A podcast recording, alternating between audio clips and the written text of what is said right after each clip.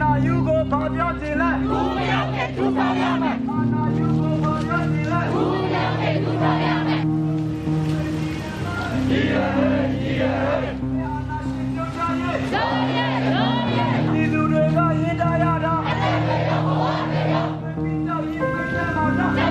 Ja, så här låter protesterna som alltså fortsätter i Myanmar sedan militären Tatmadaw i en kupp tog över makten i februari. Då togs också landets folkvalda Aung San Suu Kyi till fånga och har sedan dess hållits fängslad. Men folket fortsätter att protestera mot militären och demonstrationerna har blivit blodiga. Över 600 civila har dödats och så även ett 50-tal barn. Militären Tatmadaw har en lång historia av våldsamheter bakom sig och soldaterna styrs med järnhand. Militären skiljer sig också från många andra länders arméer. De har ett eget samhälle i samhället med egna banker, jordbruk, sjukhus och mobiloperatörer bland annat. Man misstänker också att militären förser sina soldater med droger så att de lättare ska kunna skjuta på sin egen befolkning. Hur funkar militären Tatmadaw? Varför vänder sig soldaterna mot sin egen befolkning? Och vad måste omvärlden göra för att hjälpa Myanmar? Det här pratar vi om i dagens Aftonbladet Daily. Och det gör vi givetvis med Wolfgang Hansson som är vår utrikespolitiska kommentator. Ja, det fortsätter ju vara väldigt våldsamt eh, där militären gång på gång attackerar eh, de eh, människor som går ut på gatorna och demonstrerar emot militärkuppen som var den, den första februari. Och det är, det är svårt att se något slut på, eh, på det här, utan det verkar som att befolkningen fortsätter att demonstrera trots att eh, de riskerar att bli dödade. Mm, det var ju några månader sedan som militärjuntan i landet tog över styret i en kupp. Har det varit så här sedan dess? Ja, det kan man väl säga. Det har ju varit vissa tillfällen när det har varit extra våldsamt, som exempelvis när militären firade sin eh, årsdag. Eh, då dödades hundra personer på en dag. Eh, men i övrigt så är, är det liksom, det, det fortsätter på något sätt eh, på en låg men ändå intensiv nivå. Ja, för enligt rapporten så har ju över 600 personer dött och även 50, ett 50-tal barn ska ha dödats. Hur kommer det sig att de liksom dödar barn? Ja, dels beror det väl på att, att de så att säga ger sig in i bostadsområden och skjuter vilt omkring sig och då kommer ju även barn att träffas. Men sen kan man ju inte utesluta att också det finns ett element i det hela att de tänker att om vi dödar barnen så förstår folk att vi verkligen menar allvar med att vi kommer att döda folk som demonstrerar. Eh, och att de då ska bli extra rädda och avstår från att gå ut och demonstrera. Så det kan ju vara en beräkning som ligger bakom det. Men att militären beter sig så här våldsamt, det är väl inget nytt? Nej, det är det inte. Det, alltså, man ska komma ihåg att Burma har ju styrts av militären sedan de eh, blev eh, självständiga från britterna efter andra världskriget. Eh, och militären har liksom eh, i och för sig då haft olika sätt att styra. men ett tag tillämpade man det som kallades vägen mot socialism. Och nu har man en mera kanske kinesisk väg där man försöker kombinera auktoritärt styre med, med kapitalism. Men eh, man har hela tiden, så fort befolkningen har försökt eh, att få mer frihet och få demokrati, så har man slagit till väldigt hårt eh, mot människor. Mm. För om vi tittar lite närmare på militären i Myanmar, den är inte riktigt som i andra länder. Nej, den, den, eh, de har ju ett, ett totalgrepp om landet på ett sätt som inte är vanligt. Kan du berätta lite?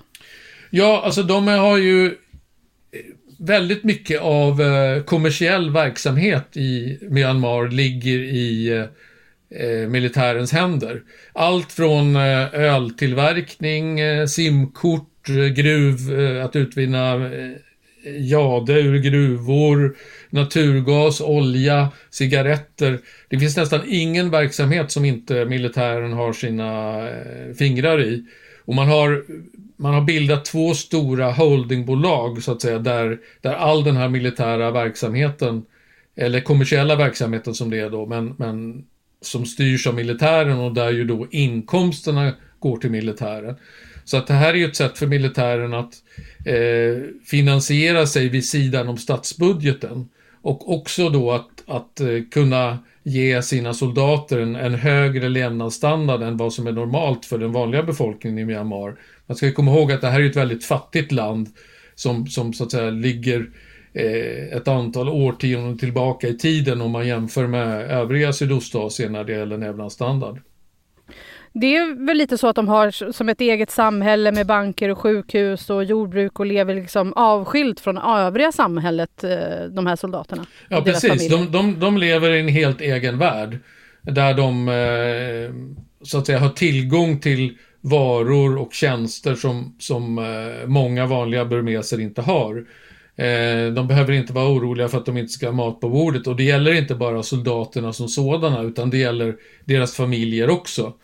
Eh, och det här är, gör ju att, att, att bli soldat i Myanmar, det är liksom eh, också ett sätt att trygga sin framtid och att, att få, eh, ett, att få en hög status i samhället. För militären har alltid varit väldigt populär, eh, i alla fall historiskt sett i, i Myanmar. Och det var ju Aung San Suu Kyis eh, pappa som eh, var med och grundade militären en gång i tiden. Hon som nu då är demokratirörelsens ledare och som militären har satt i, i fängelse. Mm. Och I New York Times eh, så kunde man häromveckan läsa om en soldat som hoppat av militären och han vittnar om att man som soldat är hjärntvättad och övervakad hela tiden. Vad, vad vet vi mer om det här? Jo, så, så, eh, så verkar det vara. Det är i alla fall vad avhoppade militärer berättar. För det finns ju trots allt en del militärer som inte vill skjuta mot den egna befolkningen som därför eh, deserterar från armén och går under jorden. Och de berättar just om det här med den ständiga propagandan som de utsätts för och där de, där de ska se alla som fiender, eh, alla som motsätter sig militären. Eh, och det förekommer också uppgifter om att eh, militären har egen tillverkning av eh, metamfetamin som de då eh, delar ut till soldaterna så att de ska liksom lättare kunna döda folk. Eh, så att säga, som, som någon slags, att de förvandlas till någon slags robotar. Eh, så det här är väl en kombination av att soldaterna känner att de har en väldigt bra en bra tillvaro i armén där de eh, är ekonomiskt och materiellt har det väldigt bra. Eh, samtidigt som de då måste vara beredda att utföra den här typen av eh, våld mot den egna befolkningen eh, om de ska kunna vara kvar i militären.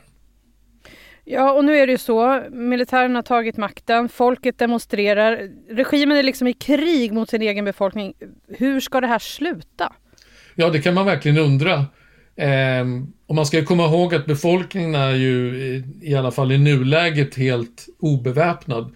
Ehm, man har ju använt sig av en massa olika taktiker i de här demonstrationerna för att hela tiden eh, vara, ligga steget före militären. Men militären använder ju numera skarp ammunition mot, mot människor som inte har något skydd överhuvudtaget. Så att det, det är svårt att, att, att se hur hur befolkningen på något sätt ska kunna vinna den här kampen mot militären.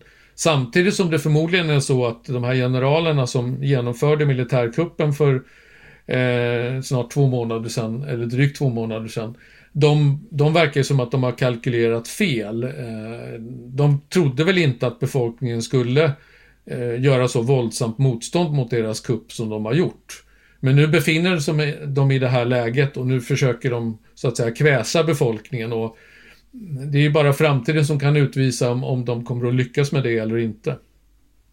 Och omvärlden då, då? Vad måste omvärlden göra för att liksom hjälpa till här? För det känns ju ändå som det behövs hjälp. Det behövs definitivt hjälp. Och det omvärlden har gjort hittills är att man har infört ekonomiska sanktioner mot landet och, och inte minst mot de här två stora eh, handelsbolagen som, som eh, militären driver i, i Myanmar. Eh, det har både USA och Storbritannien gjort och jag tror att EU är på väg att göra det också. Eh, problemet är att militären inte, inte bryr sig i den bemärkelsen att de lyssnar inte på vad omvärlden säger. Eh, även om omvärlden fördömer det här våldet så fortsätter våldet ändå. Och eh, om, man, om man så att säga inte tänker sig en militär intervention på något sätt så är det väldigt svårt att se hur omvärlden ska kunna förmå generalerna att, att upphöra med det här.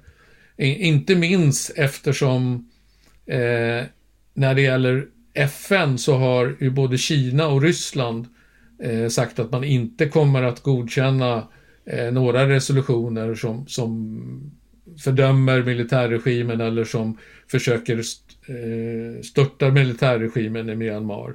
Eh, för både Ryssland och Kina har nära förbindelser med militären och, och har affärsintressen i landet som man inte vill eh, äventyra.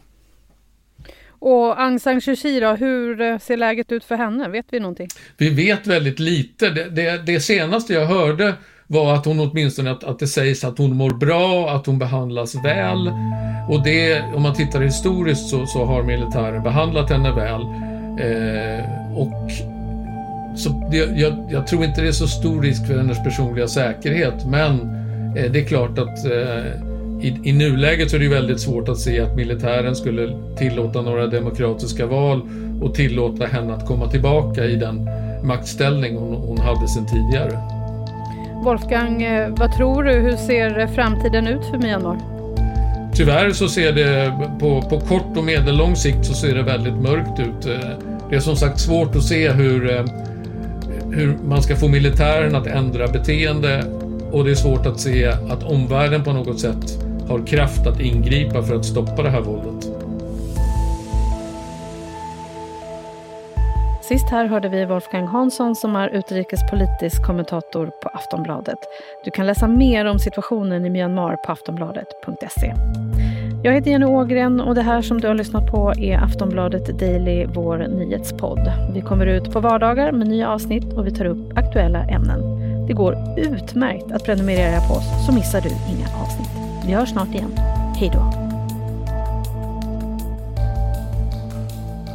Du har lyssnat på en podcast från Aftonbladet. Ansvarig utgivare är Lena K Samuelsson.